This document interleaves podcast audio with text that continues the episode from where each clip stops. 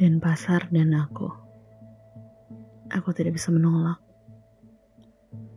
Aku juga tidak pernah berharap lebih untuk apa-apa yang telah terjadi selama ini. Rasanya kata tidak bukanlah untuknya, tapi untuk hati ini. Aku tahu betul tentang apa yang sedang terjadi di antara kita. Perasaan tidak aman nampaknya hanya milikku seorang. Dia jelas baik-baik saja dengan aku yang tanpa makna. Dulu ia pernah berkata tentang aku yang bagaimanapun pasti memiliki arti untuknya. Dalam hidupnya yang mulai menerang ini, aku tertinggal dalam gelap. Di perang rasa yang kuciptakan sendiri, aku kalah. Aku bukan siapa-siapa dan aku mengerti. Tapi aku juga mencintainya.